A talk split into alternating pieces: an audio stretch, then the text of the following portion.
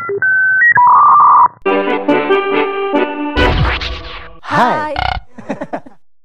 Hai, selamat datang di podcast Fajar ini.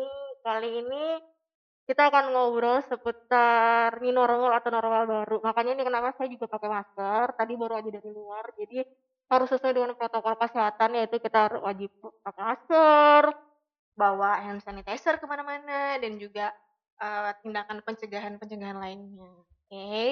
so uh, oh iya mana ya Fajar ya?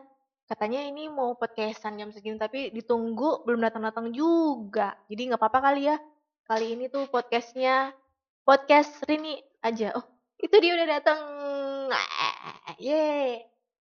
Nggak jadi sendirian deh. Dari mana aja nih Bapak Fajar? Halo, halo. Hai. Selamat datang di podcast Rini aja Oh, ada Fajarnya dong. podcast Rini oh ada Fajar Ada Fajarnya dong. Ya, gimana gimana gimana? Ini Iya, aku tadi aku udah opening sih karena kamu lama banget datangnya. Dari mana sih sebenarnya? baru kembali menjadi normal. Oh gitu. Iya. Baru kembali jadi normal. Kamu Jadi nggak lihat dong? Aku pakai baju kantor. pakai baju orang kerja. Oh, orang kerja pakai baju kayak gini gak sih? Enggak tuh aku kerja enggak pakai baju kayak gini. Ngomong-ngomong, Oke. kamu itu masker baru lagi nih. Ini Pasti beli di toko online nih. enggak, ini tuh dikirimin sama tante dari Makassar sana. Dari Makassar Ecobrik. Makasih ya maskernya. Ini maskernya lucu loh, warnanya pink, terus dikirimin juga sepasang sama si bayi dan ini belakangnya karet, cocok untuk yang jilbaban. Dan ini maskernya itu ada beberapa lapisan. Ini ada satu, nih satu, dua, terus bisa ditambahin juga tisu. Nah, ini masukin tisunya ke dalam sini dari Makassar. Oh, bukan makasih beli, ya. bukan beli baru itu. Bukan dong, makasih ya Makassar Ecobrik. Hmm, Oke. Soalnya kamu biasa banget tuh kayak gitu. Iya. Tiba-tiba pulang-pulang ada oleh-oleh apa ya Ah, kan? pulang-pulang ada oleh-oleh apa? Tapi iya sih sebenarnya satu hal yang paling menurut aku berubah di fase new normal ini adalah pengalaman berbelanja. Berbelanja? Iya, biasanya kan aku Hmm. kalau pesan-pesan paket tuh kalau kamu lagi di kantor, paket tahu-tahu ada aja gitu kan di rumah. Iya, iya, iya, iya, iya. Dan kamu nggak sadar gitu kalau ada barang baru, Tiba-tiba ada barang-barang baru aja di rumah kan? Iya, padahal sebenarnya aku udah udah bilang sih, aku pengen belanja ini, aku pengen beli itu. Iya boleh, iya boleh. Tapi begitu barangnya datang, Aha. guys, dia tuh nanya, nah ini kapan belinya? Dari mana? Kok aku nggak tahu? Lah, padahal kan udah bilang gitu. Oke. Tapi emang datang barangnya tuh nggak pada saat dia di rumah kan di kantor terus. Jadi, Jadi semenjak di rumah aja jadinya ketahuan ya, deg-degan takut ketahuan. enggak sih, nggak deg-degan takut ketahuan, tapi kayak yang oh ya udah dia ada gitu kan memantau. Jadi apa pun yang aku beli, aku harus ini ngomong aku beli ini. Oke. Oke, ini kan kita hari ini episode ini kita akan ngobrol Ngobrol. tentang back to the new normal. Di Hmm. mana kamu sebelumnya kalau belanja online itu dikirim ke rumah tanpa aku tahu. Nah, Tahu, terus enggak tahu. sekarang kan aku udah mulai kembali nih rutinitas gitu kan ke aktivitas. Eh, walaupun intensitasnya nggak sesering sebelumnya gitu, jadi aku tetap kembali kerja tapi mungkin seminggu hanya beberapa kali gitu ya. Sisanya remotely dari rumah. Nah, di perbelanjaan kamu juga kayak gitu ya. Berarti yang sebelumnya itu eh, aku nggak tahu, sekarang eh, aku taunya sedikit karena kemarin eh, semenjak kita karantina, Hmm. semenjak pembatasan sosial itu, aku nemuin beberapa kali tuh kiriman-kiriman yang eh ini kiriman apa Itu ya itu gitu. kiriman kerjaan. Jadi tolong dibedakan antara pekerjaan dan memang eh, ini Memang dikerjain. bukan dan memang belanja gitu kan. Oke. Jadi apalagi kan sekarang tuh kita apa-apa enaknya sih serba online ya karena kita dibatasin tuh mau Mhm. ke mana-mana. Iya. Jadi ya udah belanjanya lewat online aja sampai buat ke pasar juga ya udah belanjanya pesannya di online. Lebih aman, tinggal semprot-semprot paket kan.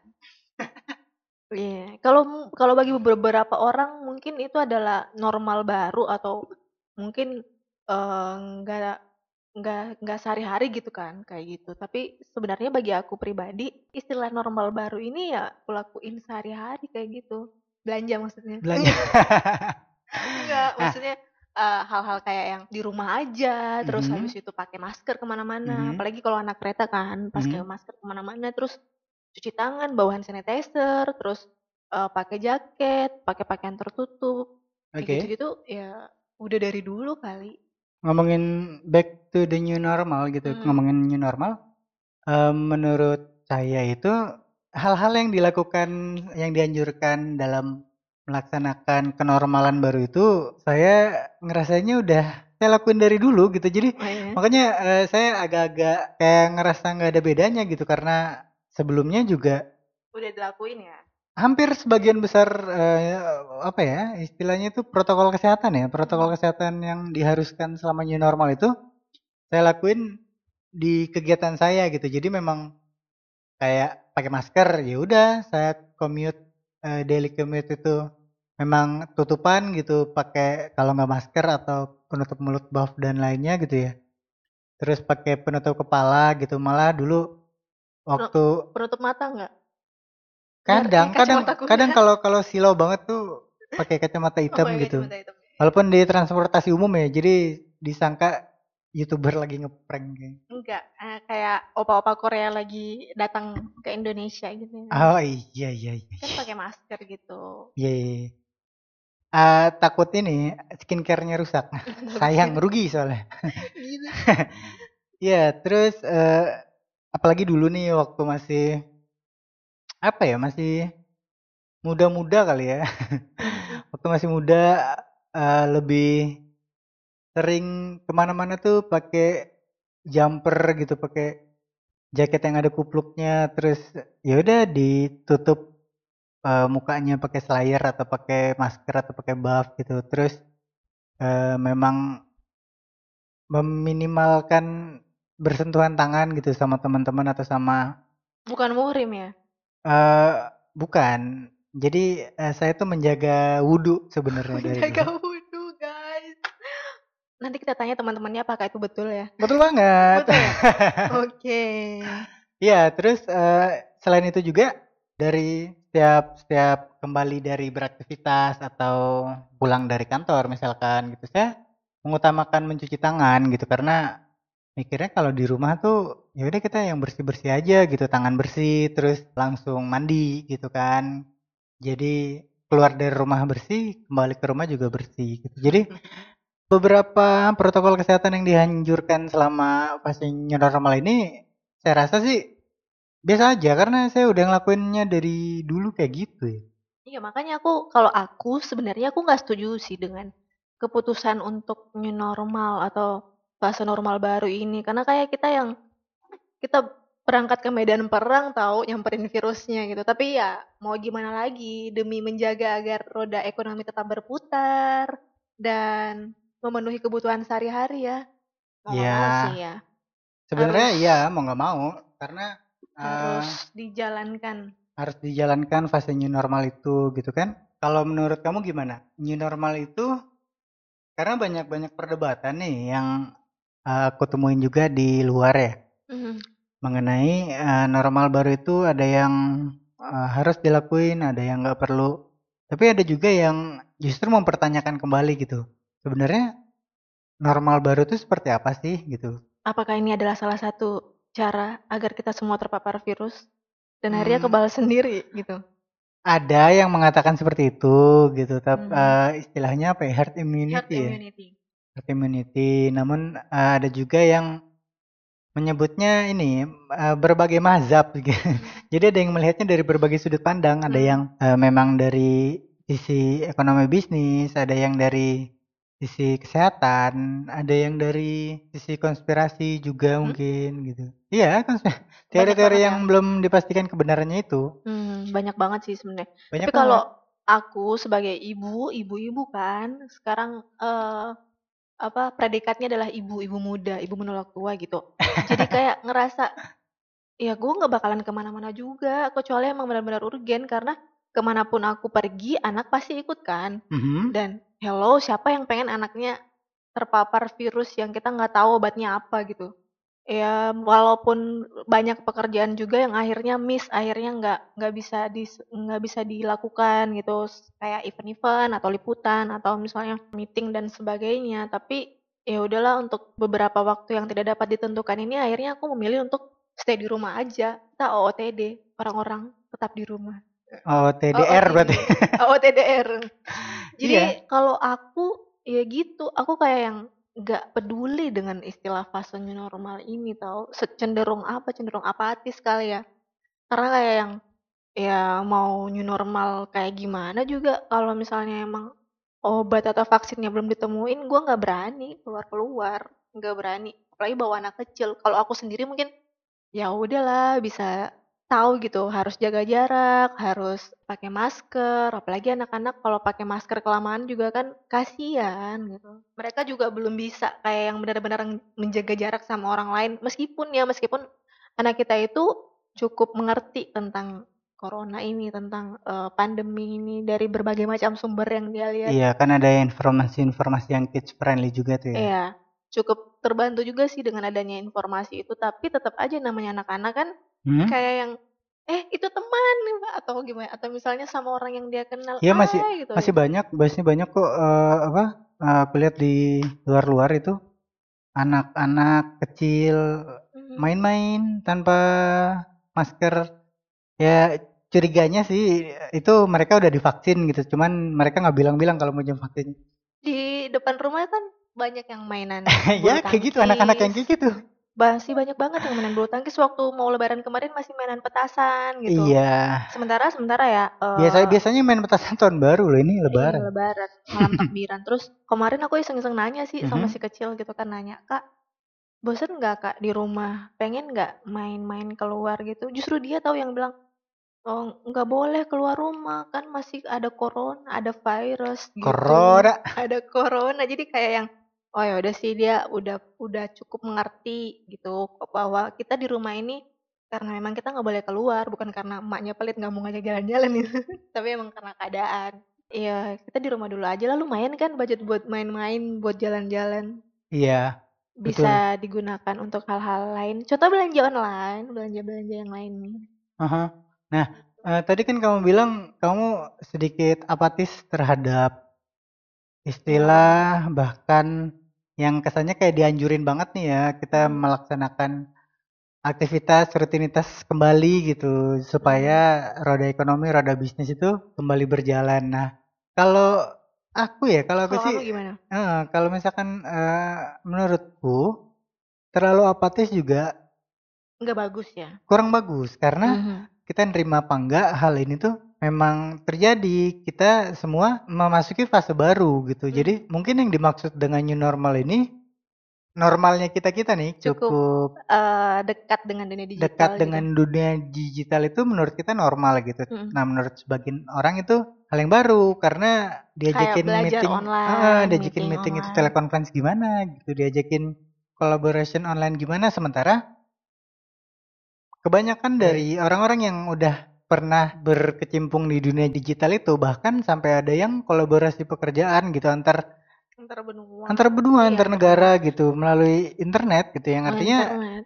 jam kerjanya itu ya ketika Kayak- mereka buka laptop gitu aktif di Ah. Emang literally working from home work gitu. from home gitu jadi eh, istilah new normal ini merupakan perpaduan antara Nah, orang-orang yang sebelumnya udah biasa berdigital itu sesuatu yang normal gitu kan Mhm. sementara yang biasa melakukan semua pekerjaannya Dengan dengan tatap muka gitu. analog gitu dengan Analog. dengan eh, Cara-cara konvensional. cara-cara konvensional gitu.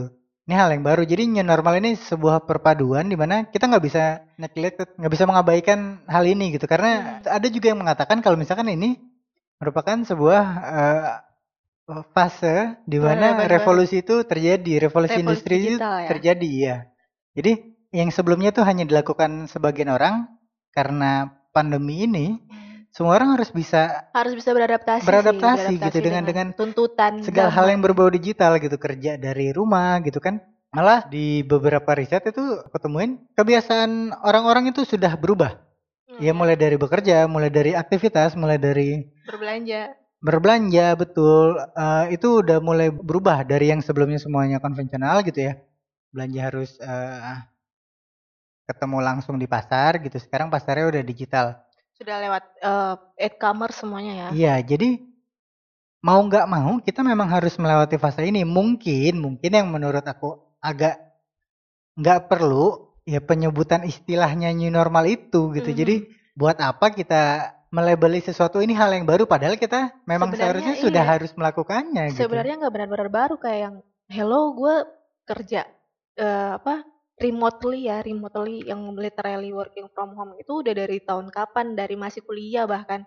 Kuliah, terus ngambil kerjaan part-time, itu, Mhm. eee, agensinya di Jakarta, terus habis itu kliennya entah ada di mana. Jadi kayak yang ngerasa, ini nggak benar-benar baru sih, karena kita udah Iya. ngelewatin atau kita udah berkecimpung di dunia ini emang udah dari dulu. Dari dulu, dari tapi emang dulu. triggernya itu ya di saat pandemi, ini saat gitu. Jadi pandemi. ketika semua orang dipaksa untuk belajar digital, ya mau nggak mau handphone, Mhm. ponsel itu yang mungkin sebelumnya Kepoin. buat kepoin atau mungkin ada yang beberapa install sosial media tapi isinya cuman eh, dead jokes gitu, joke bapak-bapak Hmm. atau like ini lalu ketik amin gitu.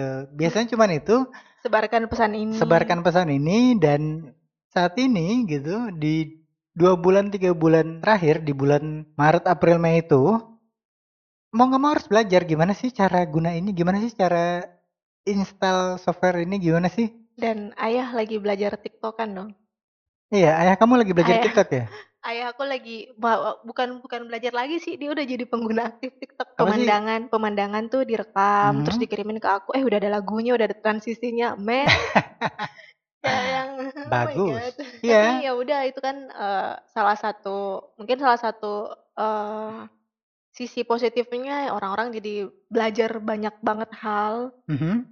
eh, di segala maksudnya mendobrak keterbatasan itu keterbatasan ya keterbatasan terus jadi aku juga ngelihat eh, pandemi ini dari sisi lain lebih banyak orang yang berbagi tau nggak sih oh kalaupun iya itu juga tuh jadi kalaupun bukan berbagi materi tapi berbagi ilmu Berbagi ilmu. apa pun lah buka kelas-kelas online jadi banyak Ya, banget kelas kelas-kelas sekarang gitu. online. Dulu saya kalau mau nyari kelas online sampai masuk-masuk ke forum-forum luar negeri.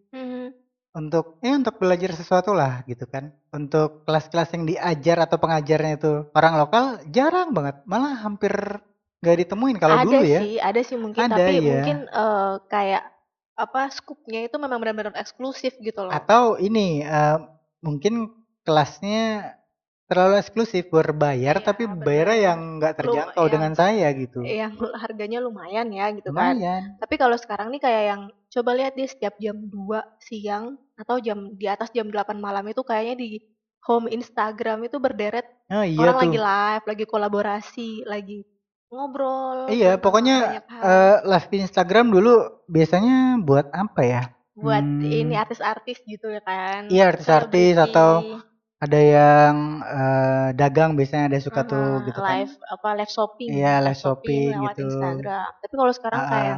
Sekarang tuh yang di deret timeline Instagram itu 3 4 5 ya tergantung sih, tergantung followingnya juga. Mhm.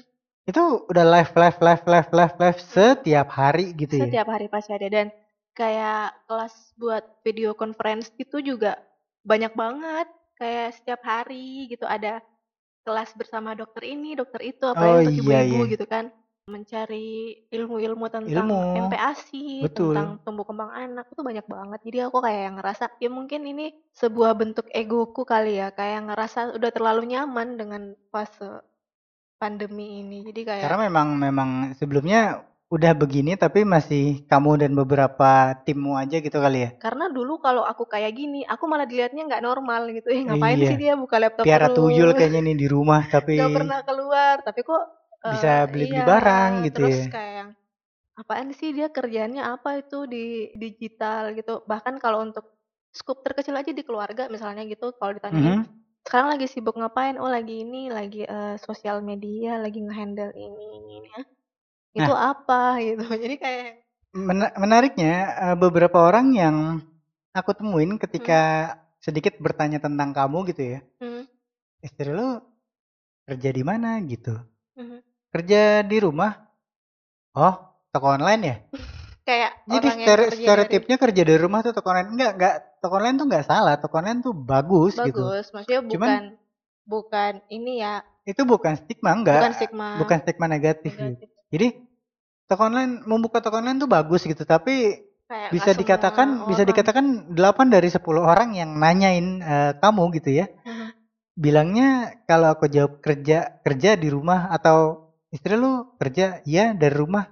Itu jawabnya pasti oh Toko toko online. Nah, dua lagi, yang satu diam aja. Mhm. Oh, gitu. Mhm. Yang satu lagi baru nanya "Eh, kerja apaan? Gitu. Ya kan kalau freelance kan emang kayak gitu ya. Iya. Eh, eh, kerja depend, yang tidak kerja ya depend on eh, apa ya? depends on apa ya Demand, demand tergantung Demand, permintaannya tergantung gitu. Sesuai dengan bidang yang dikuasain gitu. Nah, Hmm. saat ini tuh orang-orang udah sedikit terbuka nih. Kalau misalkan pertanyaan yang sama dijawab dengan jawaban yang sama, mungkin stereotip toko online tuh udah mulai apa ya, udah mulai mereda karena istri lu kerja, iya dari rumah, oh working from home gitu. iya WFH atau kalau dulu tuh kita istilahnya bukan WFH tapi kerja remote, remotely, Iya, remote. remotely gitu. Jadi benar-benar kita tuh raganya ada di mana, tapi pikirannya ada di mana gitu. Jadi kayak ya menurutku istilahnya normal ini nothing special Nothing from this. special. Nah, aku juga pernah tuh eh, apa kerja remote gitu, ada project gitu kan. Eh, absennya, jadi kan tetap tetap harus ada absen, tetap ada harus ada absen. tatap muka gitu. Hmm. Jadi bukannya di rumah itu enggak nggak apa ya nggak disiplin tetap disiplin waktunya gitu apalagi kita harus nyamain waktu di berbagai belahan dunia gitu kan nah jadi karena flexi time juga kerjanya jadi yang diperhitungkan itu eh, lamanya kita kerja gitu karena kan memang dari berbagai belahan dunia itu absensinya melalui apa ya melalui jadi kayak ada eh, grup diskusi gitu itu kalau kita udah mulai kerja kita absen tuh di situ Hmm. halo good morning ada yang good afternoon gitu ada yang good night pokoknya nggak masalah kita mau kerja Di hmm, jam berapapun. dimulainya jam berapa itu yang diperhitungkan working time-nya tapi beberapa regulasi ada kayak gitu-gitu jadi kalau kerja dari rumah itu kelihatannya santai sama sekali enggak Sama sekali enggak. Apalagi kalau kamu punya anak. Mm-mm. Welcome to the jungle. bukan kesulitan karena ada anak sih jadi anak tuh kan mikirnya kalau kerja di kantor Iya, kalau di rumah ya udah sama kita gitu. Iya. Nah, kalau lagi di rumah terus kita ada kerjaan, wah itu tricky banget. Kalau nggak ngerjainnya cepet-cepet sebelum diajakin main, Kalau atau nggak pas dia tidur. pas dia tidur gitu, atau nggak apa-apa dia ngerjain, ya nggak apa-apa dia main sama kita gitu. Tapi permainan yang udah dianteng di samping kita, kita ngerjain kerjaan. kita Gitu. bisa kerja. Gitu. Kalau aku sih nggak kaget ya, maksudnya working from home gitu. Terus beberapa kali di pekerjaan sekarang itu juga aku remote gitu dari rumah, eh, nggak bisa masuk kantor remote masih dibolehin gitu ya. Beberapa orang itu kan ada yang justru ngerasa kayak ah bisa lah kerja dari rumah gampang gitu kan dari bangun tidur juga udah bisa kerja. Oh tidak semudah itu. Alfonso. Nggak itu, tapi ya udahlah itu kan adalah kebiasaan kita juga yang mungkin Mhm. sulit untuk uh, Diubah, ya. diubah. Kalau misalnya susah banget kalau kita udah terbiasa juga kerja tatap muka, kerja Mhm. kantoran atau mungkin memang kita menguasai hal-hal yang seperti itu terus tiba-tiba harus digubrak-gubrak kerja virtual gitu dari rumah ya pasti akan sangat sulit untuk beradaptasi. Beradaptasi dan orang tua orang tua juga jadi ada ada riset sederhana yang mengatakan kalau selama pandemi ini kan anak sekolah itu belajarnya dari rumah. Hmm. Dulu istilah belajar dari rumah itu libur. Anak-anak Libur. besok belajar di rumah ya, iya ya libur gitu. Nah, kalau sekarang belajar dari rumah itu ya belajar, gurunya ngajar benar benar dengan benar. teleconference biasanya atau Belajar video gitu. call dan dari penelitian itu dikatakan bahwa semenjak pandemi orang tua lebih menghargai guru Mm-mm. karena ternyata ngajar anak tuh nggak gampang Iya, ngajar anak nggak gampang, tapi ada beberapa orang tua juga yang justru ngomel-ngomel kayak yang, "Eh, ini apa gunanya sih kok saya udah bayar mahal-mahal, tapi yang ngajar saya juga." Terus kayak ikutan stres dan kayak bawel malah bawel gitu di Iya, rumah. bawel. Ini gimana sih? Ini akses akses spreadsheet-nya gimana? Google Form-nya gimana? iya Gitu. karena kan beda cara belajarnya orang tua orang tua baby dulu itu gitu ya ya. ya kita nggak menyebutkan rentang umur tertentu ya. Hmm, karena pasti berbeda. Pola belajar orang tua dengan anaknya itu berbeda gitu. Dan ketika orang tua mencoba mengajarkan anak mata pelajaran yang ada di sekolah gitu itu sama aja orang tua belajar lagi. Belajar lagi. mbak buka lagi bukunya pelajarin satu-satu baru ngajarin gitu. Terus banyak juga yang ini kan kemarin masih bimbang juga kan ya belum keluar yang waktu belum keluar keputusan bahwa eh, anak sekolah liburnya diperpanjang lagi kan. oh iya Eh, tuh bukan libur sih eh, fase belajar di rumah diperpanjang lagi. Hmm. Terus kayak eh, waktu sebelum keputusan ini keluar kan ada kayak semacam desas-desus bahwa anak-anak masuk sekolah lagi nih, harus masuk sekolah lagi gitu Iya. kan.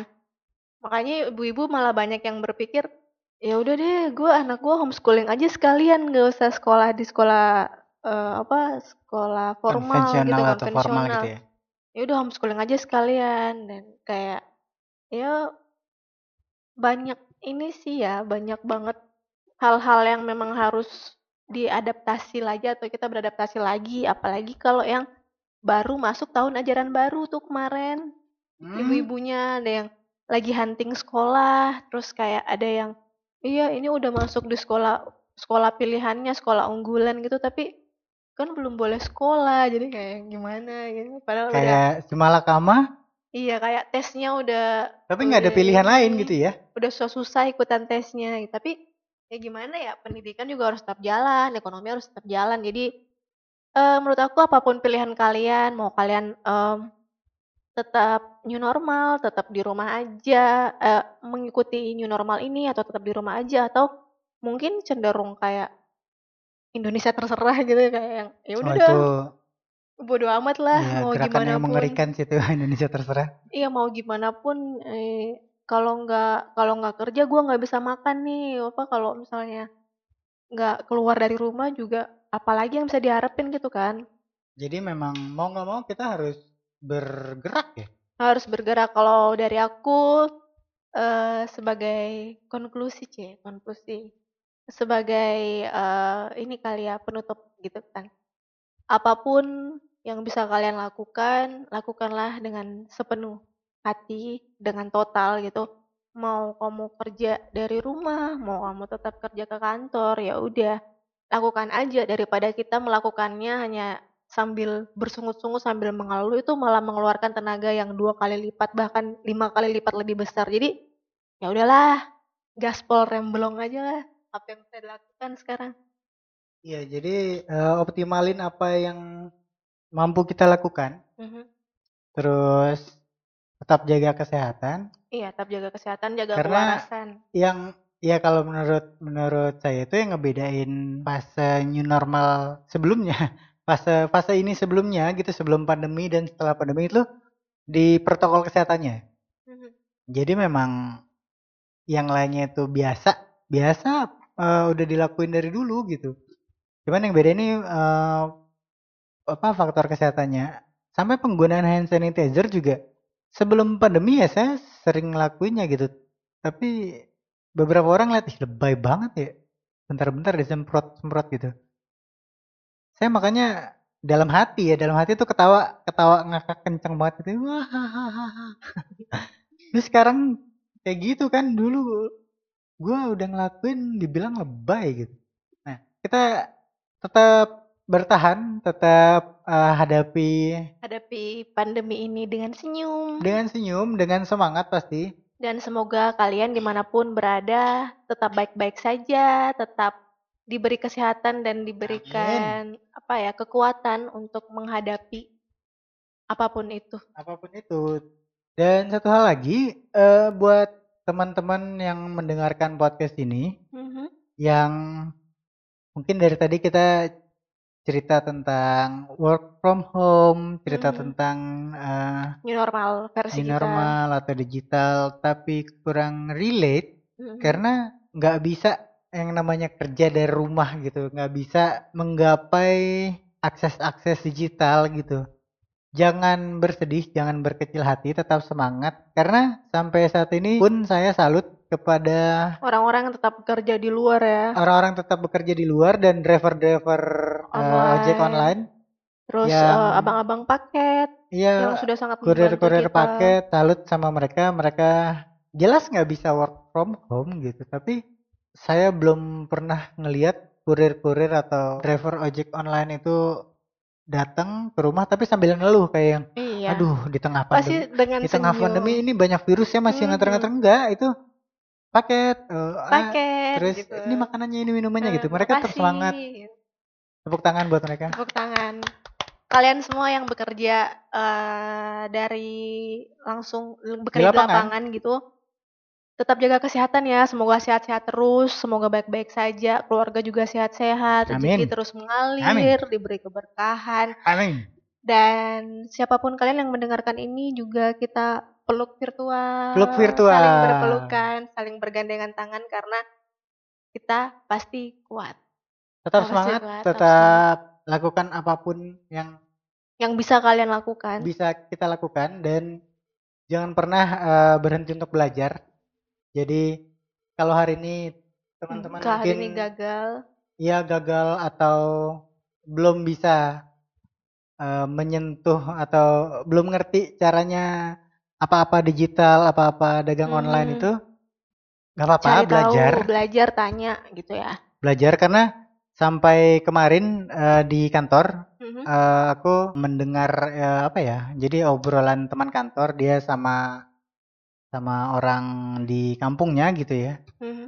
Eh, dia ngomong gitu kayak yang iya harus apa sekarang semuanya online Eh, mana lagi kan gak semua orang ya ngerti tentang online gitu nggak semua orang kayak katakanlah dagang online lah gitu ya nggak semua orang itu ngerti caranya dagang online gitu jadi Mhm. keluhan dia itu itu bukannya nggak mau berkembang bukannya nggak mau ber apa ya beradaptasi Tapi ada ini ya, ada keterbatasan. Iya, keterbatasan. keterbatasan. Dia bingung banget gimana ya caranya ya gitu. Ya pokoknya kalian eh, kalau misalnya kalian tahu sesuatu, jangan malu untuk sharing, jangan malu untuk eh ya nggak usah kalian ke scoop yang gede banget itu paling nggak ke orang-orang yang kalian kenal. Ke keluarga ke penting banget tuh. keluarga ke keluarga misalnya ada yang eh kira-kira pengen jualan online nih udah bantu aja kita bantu kita kasih tahu oh caranya kayak gini Iya, kalau misalnya kayak aku aku sekarang lagi belajar nanam-nanam aku juga nanya ke orang yang jauh lebih paham tentang yang udah belajar Iya, duluan gitu. yang udah Jadi belajar dulu seberapapun usia kita jangan pernah eh, Berhenti belajar. Berhenti belajar, jangan pernah malu untuk belajar. karena belajar itu nggak ada lulusnya Nggak ada lulusnya dan itu kata siapa ya belajar nggak lulusnya? kata siapa ya kata Ranindra, nggak tahu ya kata Ranindra kata Ranindra. Ranindra muda ya Ranindra MK. Ranindra belajar itu nggak ada lulusnya Belajar itu nggak ada lulusnya. Jadi eh, betul itu.